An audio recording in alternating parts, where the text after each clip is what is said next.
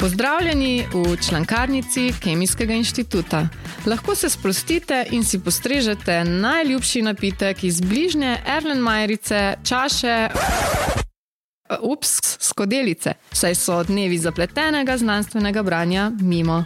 Tukaj smo, da vam ponudimo zanimivo in razumljivo razlago najnovejših odkritij raziskovalcev Kemijskega inštituta. V tokratni epizodi vam bomo predstavili izjemen dosežek na področju proteinskih interakcij in načrtovanja proteinov. Glavni junaki tega dosežka v raziskavi so ovite vijačnice, ortogonalni seti in računske metode. Brez skrbi, če se vam zdijo izrazi kompleksni. Predstavil in razjasnil nam jih bo eden izmed avtorjev, dr. Ajasija Ljubetič, načrtovalec oziroma inženir proteinov. Pozdravljen, Jasja. Živijo. Da si danes načrtovalec proteinov, je za tabo kar dolga pot izobraževanja in raziskovanja. Najprej si študiral biokemijo, tudi fiziko, na to doktoriral na inštitutu Jožef Štefan, opravil poldoktorsko delo na Kemijskem inštitutu, potem odšel v Združene države Amerike, v Baker Lab na Univerzi v Washingtonu in se na naše veselje vrnil nazaj v Slovenijo na Kemijski inštitut, kar je izjemno, da se bistri možgani vračajo v Slovenijo in doprinašajo k takim naprednim znanstvenim odkritjem, kot so v tem članku. Res je, tudi na moje veselje sem se vrnil nazaj v Slovenijo, ker se mi zdi, da so tukaj pogoji za življenje dosti boljši kot v Ameriki. In tega v bistvu ne veš, dokler ne greš, ne potuješ okrog po svetu. Je pa res, da raziskovalni budžeti so pa večji v tujini, tako da je vedno tako neko razmerje med uh, življenjskimi pogoji za celo družino in seveda raziskovalnimi pogoji. Moram pa reči, da na Kemijskem inštitutu so sicer pogoji dela zelo v redu in smo dobili tudi nov super mikroskop z optično pinceto, tak nanomanipulator. Tako da um, sem zadovoljen, da sem nazaj prišel. Smo zadovoljni, no, se je cela družina. Super, odlično. Zdaj me pa zanima še, kaj točno počne načrtovalec proteinov. U, načrtovalec proteinov dela nove proteine, take, ki v naravi še nikoli niso obstajali. Zdaj, seveda, prvo vprašanje je sploh mogoče, zakaj bi to delali. In odgovor na to je, da so proteini um, pač v bistvu neki nanorobotki v našem telesu, ki upravljajo vse pomembne funkcije, od prenosa kisika do krčenja mišic. In če znamo nove proteine narediti, lahko naredimo vse, kar naredijo naravni proteini, lahko pa naredimo vse, tudi kar recimo mati narava še ni preizkusila tekom evolucije. Tako da lahko naredimo uh, encime, ki so zelo temperaturno obstojni in lahko recimo uh, mogoče potem plastiko razgrajajo. Ali pa naredimo um, encime, ki vem, so v pralnih praških, se to se tudi že dolg časa dela, ali pa naredimo nove terapije za zdravljenje raka in take zadeve. In s tem se jaz tudi zdaj primarno ukvarjam, mislim, z več področji, ampak eno mojih najljubših so novi nanorobotki, ki lahko hodijo in delajo stvari in take zadeve. Zelo zanimivo področje. Uh, in če si za, se morda najprej lotiva opisa glavnih junakov v tem članku. Začniva z ovitimi vijačnicami. Ali bi si lahko te ovite vijačnice predstavljali kot neko spiralno zvita premena v vrvi? Lahko. Proteine lahko predstavljamo na več načinov, in zelo pogosto proteini so sestavljeni iz aminokislin, to verjetno vsa publika naša živi. In te aminokisline so potem povezane v eno verigo, in zelo pogosto narišemo samo glavni del verige se pravi proteinsko hrbtenico, in ta bi res obvita vijačnica bi izgledala kot dve um, med sabo obviti vzmeti. Glavni namen teh vijačnic obvitih je pa dvojen. In sicer lahko, to bo tudi v ortogonalnem setu kasneje razložila, ampak lahko se povežejo med sabo v pare, lahko pa služijo tudi kot. Um, Neki strukturni elementi, kot neka recimo ravnila ali pa uporni elementi. Kolagen, recimo, je tudi iz sicer treh obvitih vijačnic.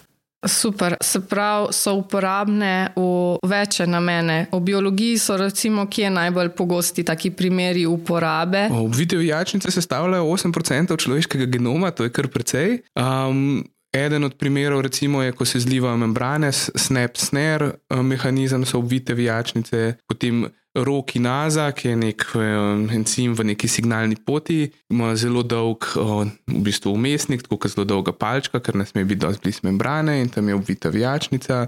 Pri molekularnih motorjih so tudi obvite vijačnice, ker je treba malo razdalje od samega motorja pa do vezikla oziroma tovora, ki ga prenašajo, tako da so zelo pogosto uporabljeni motivi v biologiji in um, tudi v sintetični biologiji. Poleg ovitih vijačnic pa so glavni junaki tudi ortogonalni seti. Sam izraz ortogonalno v geometriji opisuje, kadar sta si dve stvari pod pravim kotom, se pa ta izraz uporablja tudi v širšem pomenu, ko opisujemo neodvisne oziroma nepovezane stvari. Recimo v tehnologiji ali poslovnem svetu sta si dve metodi ortogonalni, če pristopata k problemu iz različnih perspektiv. Kaj pa je ortogonalnost v svetu proteinskih interakcij in ovitih vijačnic? Ja, tukaj je enako prisoten ta koncept, da ena sprememba ne vpliva na drugo spremembo. Ne? To, da sta recimo dva vektorja pod pravim kotom, um, pol pomeni, da v matematiki je to, da je njihov uh, dot produkt enak nič, takrat sta pravokotna oziroma ortogonalna. Tukaj pri um, obvitih vijačnicah pa pomeni, da lahko tvorijo, tvorijo pare neodvisno. Se pravi, če imamo vijačnico A in B. In potem še, um, aha, nismo povedali, da so te uvite vijačnice, o katerih mi dva govoriva, so iz dveh delov, se pravi, so heterodimerne.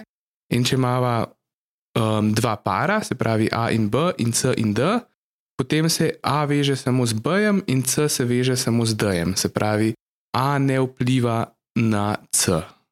V tem smislu je ta ortogonalnost. Se pravi, da gre za zelo natančne interakcije, se pravi, za zelo dotičnimi partnerji. Ja, za natančne interakcije z dotičnimi partnerji.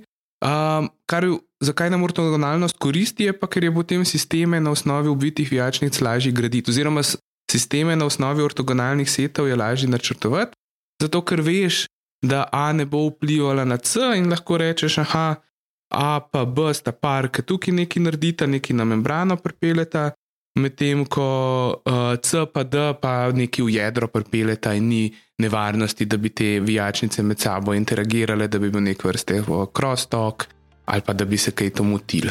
Dosežki so bili objavljeni v reviji Nature Communication z naslovom, ki bi se v slovenščini glasil Multipleksni bakterijski dvohibridni sistem za hitro karakterizacijo stičnih površin med proteini in za interaktivni dizajn proteinov. Raziskave je poleg dr. Jase Ljubetiča vodil tudi profesor Roman Jarala iz odseka za sintezno biologijo in imunologijo na Kemijskem inštitutu. Delo je bilo upravljeno v sodelovanju z laboratorijem profesorja Sriko Surija v Univerzi v Kaliforniji, kjer so ključno prispevali pri eksperimentalnem delu. A jasja, zdaj me pa zanima, da čisto na začetku pogledava, kaj je bil glavni povod za vaše raziskave, oziroma kaj je odzadje, oziroma problem, zaradi katerega ste se lotili raziskovanja. No, govorili smo že o ortogonalnih setih in obvitih vijačnicah, in mi smo iz obvitih vijačnic sestavili proteinski origami, se pravi, tako večje strukture iz proteinov, um, lahko delujejo kot kletke in bi bile lahko potencialno uporabne za recimo dostavo zdravil, ali pa iz katerih je mogoče narediti mreže in pametne materijale. In pri izdelavi teh proteinskih origami struktur nam je izmanjkalo parov. Imeli smo samo šest parov uvitih vijačnic, pa še v bistvu samo štirje so res dobro delovali, in to nam je v bistvu onemogočili, da bi še večje proteinske origami zgradili. In zaradi tega smo rekli, da lahko mi v bistvu najdemo en večji ortogonalni set, da lahko dizajniramo ta večji ortogonalni set. In potem, zato, da smo pa to dizajnirali, smo uporabljali tudi metodo, ki lahko izmeri veliko število parov lahko izmeri interakcijo med velikim številom parov. Odlično. Pa mogoče zdaj pogledamo, kako ste se lotili, kako ste pristopili k reševanju tega problema. Kaj je bil tisti prvi korak? Prvi korak je najprej, da smo seveda pogledali vso literaturo do zdaj na področju obvitih vijačnic. Obvite vijačnice se, so sistem, ki so študirani že od. Um, takrat, ko so še premog zelo intenzivno študirali, no, je, zdaj se ne spomnim čist letnice iz glave, ampak uh, za obvito vijačnico so bile posnete rentgensko sipanje, iz katerega se je videl, kako, kakšen je navoj te vijačnice, še pred strukturo proteinov in še pred DNA-jem. Tako da smo pogledali, kaj je bilo na voljo in smo vzeli najboljšo. Uh, rabili smo v bistvu računsko funkcijo, ki, če damo mi zaporedje obvite vijačnice, nam pove, kakšna je moč para. In to smo rabili in smo vzeli najboljšega, ki je bil takrat na voljo, in smo iz tega začeli kot naše, uh, naše izhodišče. In potem smo rekli, da obvite vijačnice imajo precej omejeno strukturo, mi vemo približno, katere aminokisline moramo dati kam. Uh, in smo potem preverili, smo rekli, da teh 4000 obvitih vijačnic, 4096, je verjetno najbolj pogostih, in smo rekli, zdaj bomo pa preverili vezavo na računalniku vseh 4096 krat 4096. Zato uh, izračunali bomo za to računsko funkcijo, se pravi, izračunali smo eno tako ogromno matriko, pol pa nismo znali, pol smo mogli pa razviti metode, kako iz tega dobiti ortogonalni set, in tam smo se združili tudi z matematiki in smo potem a, z nekimi računskimi metodami, mislim, da je komplementarna klika grafa, se pravi, gledaš ene povezave in pol lahko iz tega dobiš na te ortogonalne sete ven. In tako da najprej to smo naredili, pa smo jih pa mogli preizkusiti, ker seveda nismo vedeli, kako, so, kako dobri so zdaj ti ortogonalni seti. In zato smo rabili pol eksperimentalne metode, in seveda teh parov je bilo zelo veliko in bi jih bilo.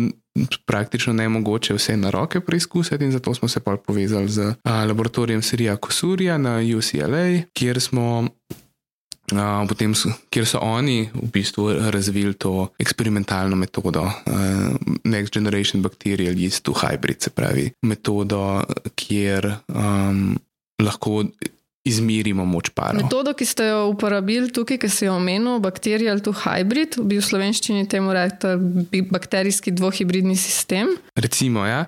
In v bistvu bakterijski dvohibridni sistem pomeni, da imamo nek razcepljen encim, ki je nujen za preživetje celice. Potem pa na ta razcepljen encim dodamo naše obvite vijačnice, se pravi vijačnico A in vijačnico B.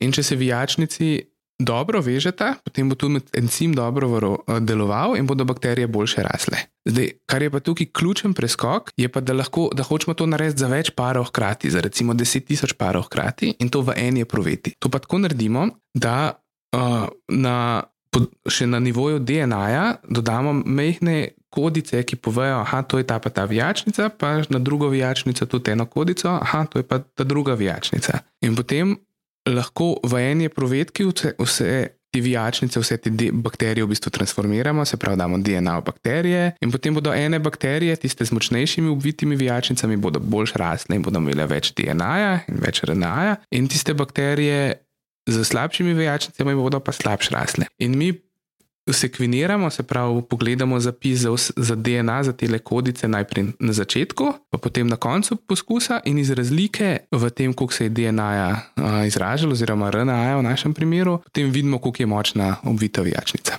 Se pravi, s to novo metodo ste želeli priti do večjega nabora ovitih vijačnic? Hoteli smo dobiti več gradnikov. Se pravi, recimo vsak par je kot neka vrsta Lego kocka in mi smo imeli samo šest kock in smo bili s tem precej omejeni. Sicer smo se naučili vmes, da lahko malo golfamo, pa lahko isto kocko dvakrat uporabimo, če smo zelo previdni pri tem, ali pa da lahko sestavimo eno verigo posebej, pa drugo verigo pa jih damo skupaj, ampak še vedno nas je pa motil, da imamo samo šest Lego kock na vrsti in smo jih hoteli dosta več. Ali ste to novo razvito eksperimentalno metodo potem tudi validirali oziroma preverili, kako dobro deluje? Uf, se, validacija tega sistema je bila v bistvu velik zalogaj, to je ne dve leti trajalo. Smo, seveda, najprej, najprej smo začeli z našimi obstoječimi seti in smo se v bistvu levji delež razvoja tega je bil, da je ta. Metoda za res dajala zanesljive rezultate, ker na začetku je bilo preveč šuma, pa ni bilo ponovljivo, In potem je bilo treba spremenjati, kako so pogoje izražanja, pa čist kakšni so v bistvu ti linkerji oziroma povezovalni deli med obvitimi vijačnicami in encimi. Tako da to je bil en grozen, mislim, en zelo dolg postopek in zelo kompliciran. In smo se naučili, da je vedno treba imeti zelo dobre reference in treba nove sisteme umiriti, in to smo tudi temeljito naredili. Uh, zdaj, ko si omenil, ne glih en tak izziv, ki se dogaja v laboratoriju, ne so včasih raziskave. Misliš, da bojo trajale nekaj časa, potem pa trajajo precej dlje in se veliko krat kaj zakomplicira. Bi mogoče že zdaj lahko še kakšen primer, tak, kjer ste imeli kar konkreten izziv omenil? Največji izziv je bil v bistvu prav ta, kako sistem vzpostaviti, da je, da je bil dovolj občutljiv in da so potem ti naši obstoječi ortogonalni seti res dali dobre rezultate, ker drugače tudi ni bilo smisla, da bi šli na eh, večje sete, če sistem ne meri dobro. Drugi izziv je pa, da je bil pa tak, da je seveda zato, ker je to dolg časa trajalo, sva oba dva s klifom vmes že eh, Jaz sem šel vmes na postdoc, ker smo še to delali v Ameriko, in uh, Cliff je šel vmes v industrijo, in pol je bilo težko najti, da čas. Uh, da In seveda laboratorij od Sri Kosurja se je zaprl, oziroma ga je Sri zaprl, zato ker je on tudi šel, je odprl startup podjetje in je o, dela zdaj pri nekem Octant Bio, se mi zdi. Tako da je, je bil velik izziv, da smo v bistvu zbrali, da smo uspeli še to dokončati. Se pravi, je članek trajal kar nekaj let, da je nastal? Članek je trajal kar nekaj let, na srečo smo ga uspeli dobro objaviti in smo ga dokončali, ampak je trajal kar nekaj let, da a, smo to vse um, uspeli dobro speljati. Kljub izzivom je bil članek objavljen v dobri znanstveni reviji in mnenje o njem nam je podal profesor dr. Marko Novinec, ki je vodja raziskovalne skupine na Fakulteti za kemijo in kemijsko tehnologijo Univerze v Ljubljani, kjer preučujejo strukturo, funkcijo, evolucijo in interakcije med proteini. Članek predstavlja pomemben prispevek v proteinskem inženiringu, saj bo predstavljena metoda dvohibridnega bakterijskega sistema vsem raziskovalcem na tem področju omogočila učinkovitejše načrtovanje parov proteinov, ki interagirajo med seboj. Torej, Ajasija, če se sedaj vrnemo nazaj k delu na članku, na začetku ste uporabili računske metode, da ste prišli do večjega nabora ovitih vijačnic. Na to ste razvili še eksperimentalno metodo, bakterijski dvohibridni sistem, ampak tudi to še ni vse. Razvili ste tudi novo računsko metodo, pa me sedaj zanima, kako ste prišli do tega. Ja, no, zdaj smo imeli prvi set, zdaj smo imeli dva, dvohibridni bakterijski sistem, ki deluje. Imeli smo en velik set uh, računsko dizajniranih obvitih vijačnic, to obstoječo um, energijsko funkcijo, in pa smo dobili rezultate. In smo videli, da rezultati se ne ujemajo čisto dobro s tem, kar smo napovedali in smo izračunali, in smo bili v bistvu kar pol razočarani, ker v bistvu v prvi iteraciji niti nismo dobili več lego kock, kot smo jih želeli. Um, ampak Pa smo, pa smo nas seveda zanimali, kje, kje je problem. In smo postavili hipotezo, da je problem v tem, da ta računska, da ta energijska funkcija za izračun moči vezave ni dovolj natančna. In smo rekli, aha, zdaj pa mi imamo vse te podatke, mogoče pa lahko mi naredimo svojo računsko funkcijo, ki bo potem bolj natančna. In smo to naredili in smo vzeli vse te podatke In smo postavili model vezave, kjer smo rekli, da ta pa ta aminokislina, če sta skupaj, ima ta neko utež. In smo rekli, da mogoče pa lahko zdaj v bistvu iz teh podatkov te uteži na novo, kot se reče v narekovajih, nafitamo oziroma prilagodimo uteži, da se bo računska funkcija, ki smo jo razvili, ujemala z eksperimentalnimi podatki. In smo to naredili, in potem smo spet vzeli ta set 4096 obvitih vijačnic, krat 4096, spet smo to imeli nekih 16 milijonov, se mi zdi, in smo jo ponovno zračunali z novo energijsko funkcijo, in smo potem ponovno izračunali set, sete ortogonalnih vijačnic. In smo jih potem ponovno eksperimentalno preizkusili in smo videli, da smo dobili dosti boljše rezultate. Zato je tudi v naslovu ta iterativni dizajn in smo dobili res boljše rezultate in tudi uh, največji do zdaj znani set ortogonalnih vijačnic, ki ima 15 parov. Ta ortogonalni set ima. En parameter in sicer ta parameter je, kje ti potegneš mejo za ortogonalnost. Prav, koliko mora biti razlika med najmočnejšo obvito vijačnico, uh, ki ni par, pa najšipkejšo obvito vijačnico, ki je par. In glede na to razliko, se ti seveda, če, imaš, če hočeš imeti veliko razliko, pa imaš v bistvu manj lego kock, je to bolj strok pogoj, če imaš pa majhno razliko, je pa več lego kock. In seveda, medtem, ko je bil članek v reviewju, so. Uh, reviewerji rekli, da je rajši biti bolj konzervativni, vzemite rajši ta večjo razliko, in smo seveda mogli zmanjšati naše uh, ortogonalne sete. Ampak vse aplementu so pa seveda vsi Je pa še ogromno podatkov. Ja. Ta nova, bolj eh, natančna energijska funkcija, ki vam je omogočila priti do največjega do sedaj znanega ortogonalnega seta obvitih vijačnic s kar 15 pari, je verjetno uporabna tudi za druge raziskovalce iz tega področja. Ja, ta energijska funkcija je super, ker lahko zdaj natančno napovemo vezavo obvitih vijačnic z sekvenco, se pravi samo iz zaporedja aminokislin. In zato v ta namen, da bi bilo to res bolj uporabno, smo tudi na internetu spletni server, tako da lahko kdorkoli pride, pa vtipka dve obviti vijačnici, pa dobi ven številko, ki pove moč vezave. In zelo lahko da recimo deset obvitih vijačnic in dobi izračun ortogonalnosti ven in take zadeve. Tako da upamo, da bo to koristno in tudi koristno bo tudi za nas, ker se bomo verjetno z obvitimi vijačnicami še kaj v prihodnosti ukvarjali.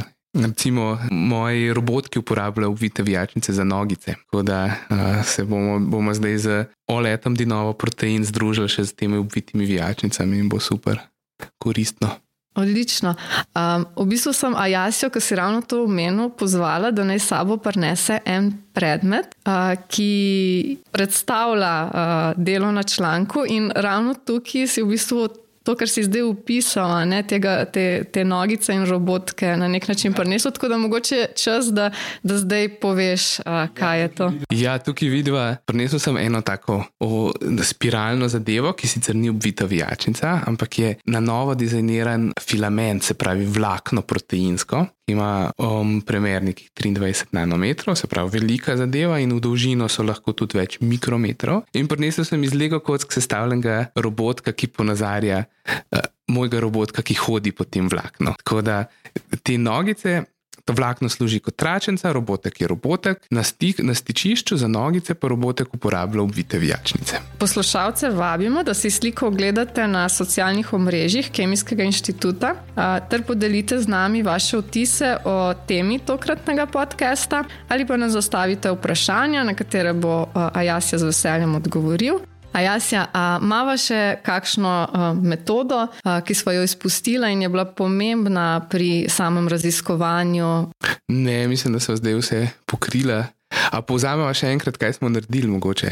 Ja, to bi bilo pa super, da imamo eno tako celotno zgodbo. Se pravi, rabili smo več parov vitih vijačnic, več lego kock in jih ni bilo na voljo, pred, preden smo začeli s temi raziskavami. Potem smo z računskimi in eksperimentalnimi metodami, s kombinacijo teh metod, ki je vedno zelo močna, zelo dobra kombinacija, smo uspeli razviti metodo, ki lahko meri, eksperimentalno meri moč interakcij med proteini. To je že ena stvar, ki je zelo uporabna sama po sebi. Potem smo razvili računsko metodo za iskanje teh parov, teh ortogonalnih setov. Potem smo razvili računsko metodo ki, pove, kakšna, ki napove, kakšna je moč vezave med obvitimi vijačnicami. Ta računska metoda deluje samo za obvite vijačnice. In še na zadnje, dobili smo ta velik set obvitih vijačnic, ki ga lahko zdaj uporabljamo za vse namene, ki se obvite vijačnice uporabljajo, se pravi izgradnja proteinskih origamijev, vezava vem, na membrano jedro nekamorkoli, kjer, so, kjer je en par, pa se drug par veže, in recimo za nogice od robota. Odlično. Um, zdaj pa mogoče še kot uh, zaključek, če bi nam opisal, kakšen je doprinos vseh teh uh, odkritij, rezultatov, izboljšav uh, v, na vašem področju oziroma na področju. Um, sintezne biologije. Ja, doprinos je tudi zelo povezan s tem, kar smo razvili. Se pravi, o, sete obvitih vijačnic bodo lahko mi ali pa kdorkoli drug uporabil, da bo kaj večjega zgradil, pa kaj koristnega um, naredil, recimo večje kletke uh, ali pa. Če bo imel kdaj problem, da mora pripeljati encim na točno določeno mesto, se lahko to s parom vidih vijačnic naredi, pa je vojačnica A je že tam nekje v membrani, pa vojačnica B pride pa prinese kjerkoli tovor. A, potem pa Upamo, da bo ta energijska funkcija tudi koristna, ne? se pravi, da bodo lahko raziskovalci, mi ali pa kdorkoli drug, razvili še naprej, um, še nove obite vijačnice. In seveda, zdaj ta eksperimentalni sistem se pa lahko tudi uporablja za vem, študijo mutantov, za vezavo katerih koli drugih proteinov, mogoče bi se dal tudi za optimizacijo nekakšnih protiteles ali pa kakšne take zadeve. Mi se dal. Tako da tukaj se zelo velik, je, je v bistvu tak zelo uporaben članek. Meni se zdi to zelo velik doprinos v znanosti, sploh ker ste uspeli izmeriti toliko interakcij, ki jih do zdaj še ni bilo. Tako, tako vse skupaj je bilo okrog 26 tisoč, v, v bistvu to je iteracija ena in iteracija dva. Mislim, da v prvih je bilo. Um, V prvih je bilo, po mojem, 8 tisoč, pa v drugi pol preostanek. Seveda, potem je pa tukaj zraven še nova računska metoda in pa uh, obvite vijačnice s kar 15 pari, kar je dvakrat več uh, kot od dosedaj obstoječega seta. Ja, ja, naše konkurence, tako da to smo kar uh, uspeli dobro povečati, smo zadovoljni s tem. Okay, uh, Vaša raziskava smo že vmes uh, osvetlila, da je obsegala veliko laboratorijskega, eksperimentalnega, ja. analitičnega dela, da je trajala več let, da je bilo vmes tudi nekaj izzivov.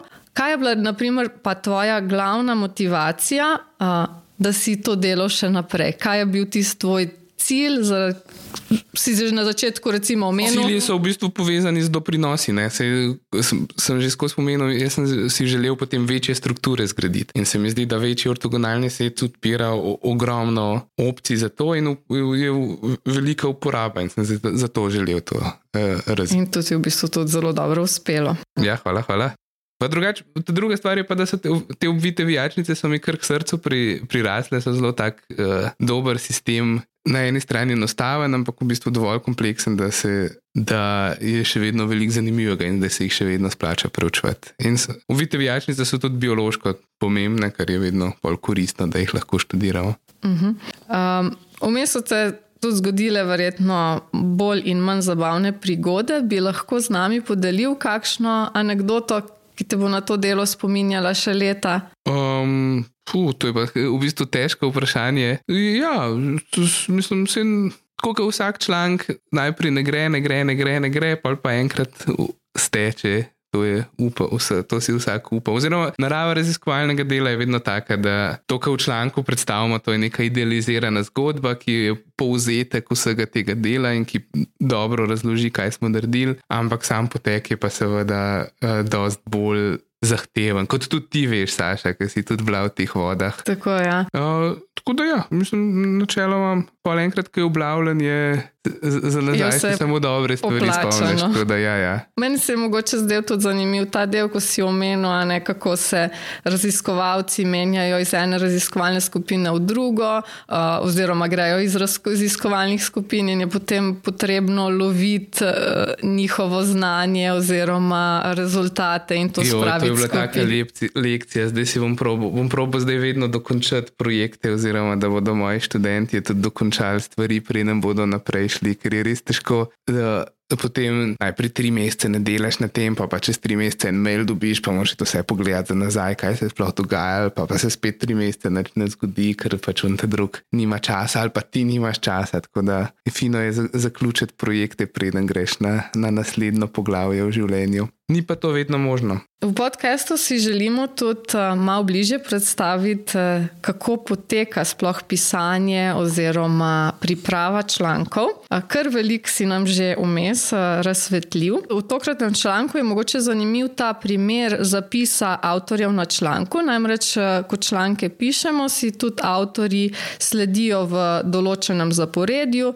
Na začetku je prvi avtor, to, oziroma avtori, to so tisti, ki opravijo večji del um, razvoja oziroma eksperimentalnega dela, analize podatkov in tudi pisanja. In pri tem članku si prvo avtorstvo delita uh, Ti Ajasja in pa Cliff Boldrich. Približno to je tako kot na športnih tekmovanjih, ne, ko si ja. lahko delijo eno skupno stopničko. In, ampak kako to mi vidimo v, na članku, da ali je avtor eden tisti prvi ali jih je več? No, to je dobro vprašanje. Prvič moramo povedati, da je to, kako si avtori na članku sledijo, zelo odvisno od področja. Se pravi, v vedah, v life science, pravi v vedah o življenju, je ta sistem, ki si ga zdaj omenila, ne, da so ta prvi avtori um, pomembni, pa gre v bistvu po, ne pomembni. So največ prispevali k članku, potem so v sredini avtori, ki so recimo upravili neke eksperimente, ampak niso pa prevzeli vodenje na nek način, ali pa niso prevzeli pobude, ali pa niso bili.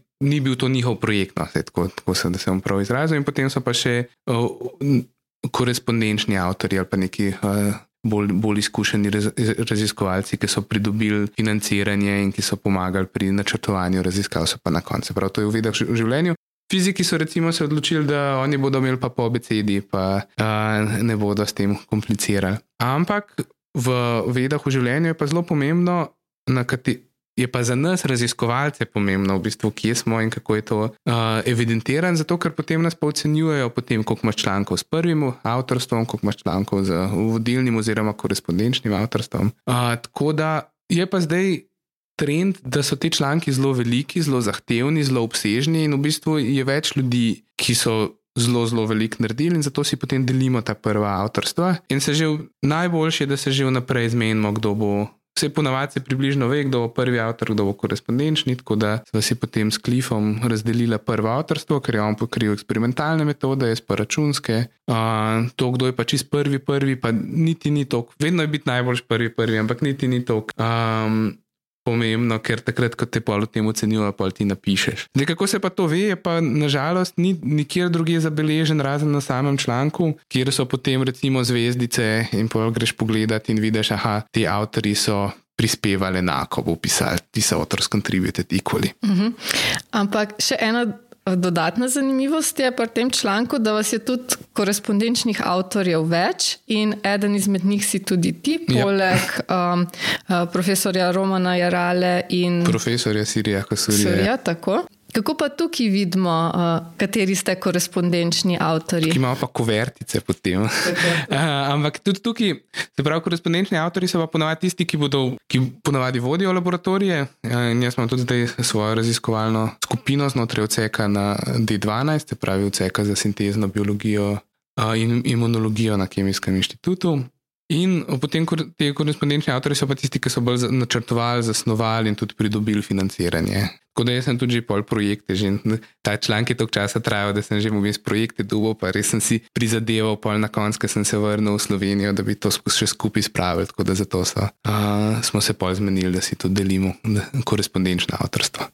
In še kot zanimivost, evo, to je moj prvi članek s korespondenčnim avtorstvom, tako da upam, da bodo še drugi, ampak mislim, da smo, da smo dobro začeli. Nature Communications je solidna revija. Čestitke, a jaz, ja, jaz verjamem, da bodo hvala. še številni, ker imaš zelo zanimivo tematiko in si tudi ti a, zelo angažiran pri tem delu in delaš a, z entuzijazmom, kar se je tudi tukaj pokazalo, ker si z odličnimi odgovori in razlagami izčrpal a, vir mojih vprašanj. Ja. Tako da hvala ti za tvoj čas in sodelovanje ja, v prvi epizodi podcasta Člankarnica. Uh, z veseljem. Čau. Mijo.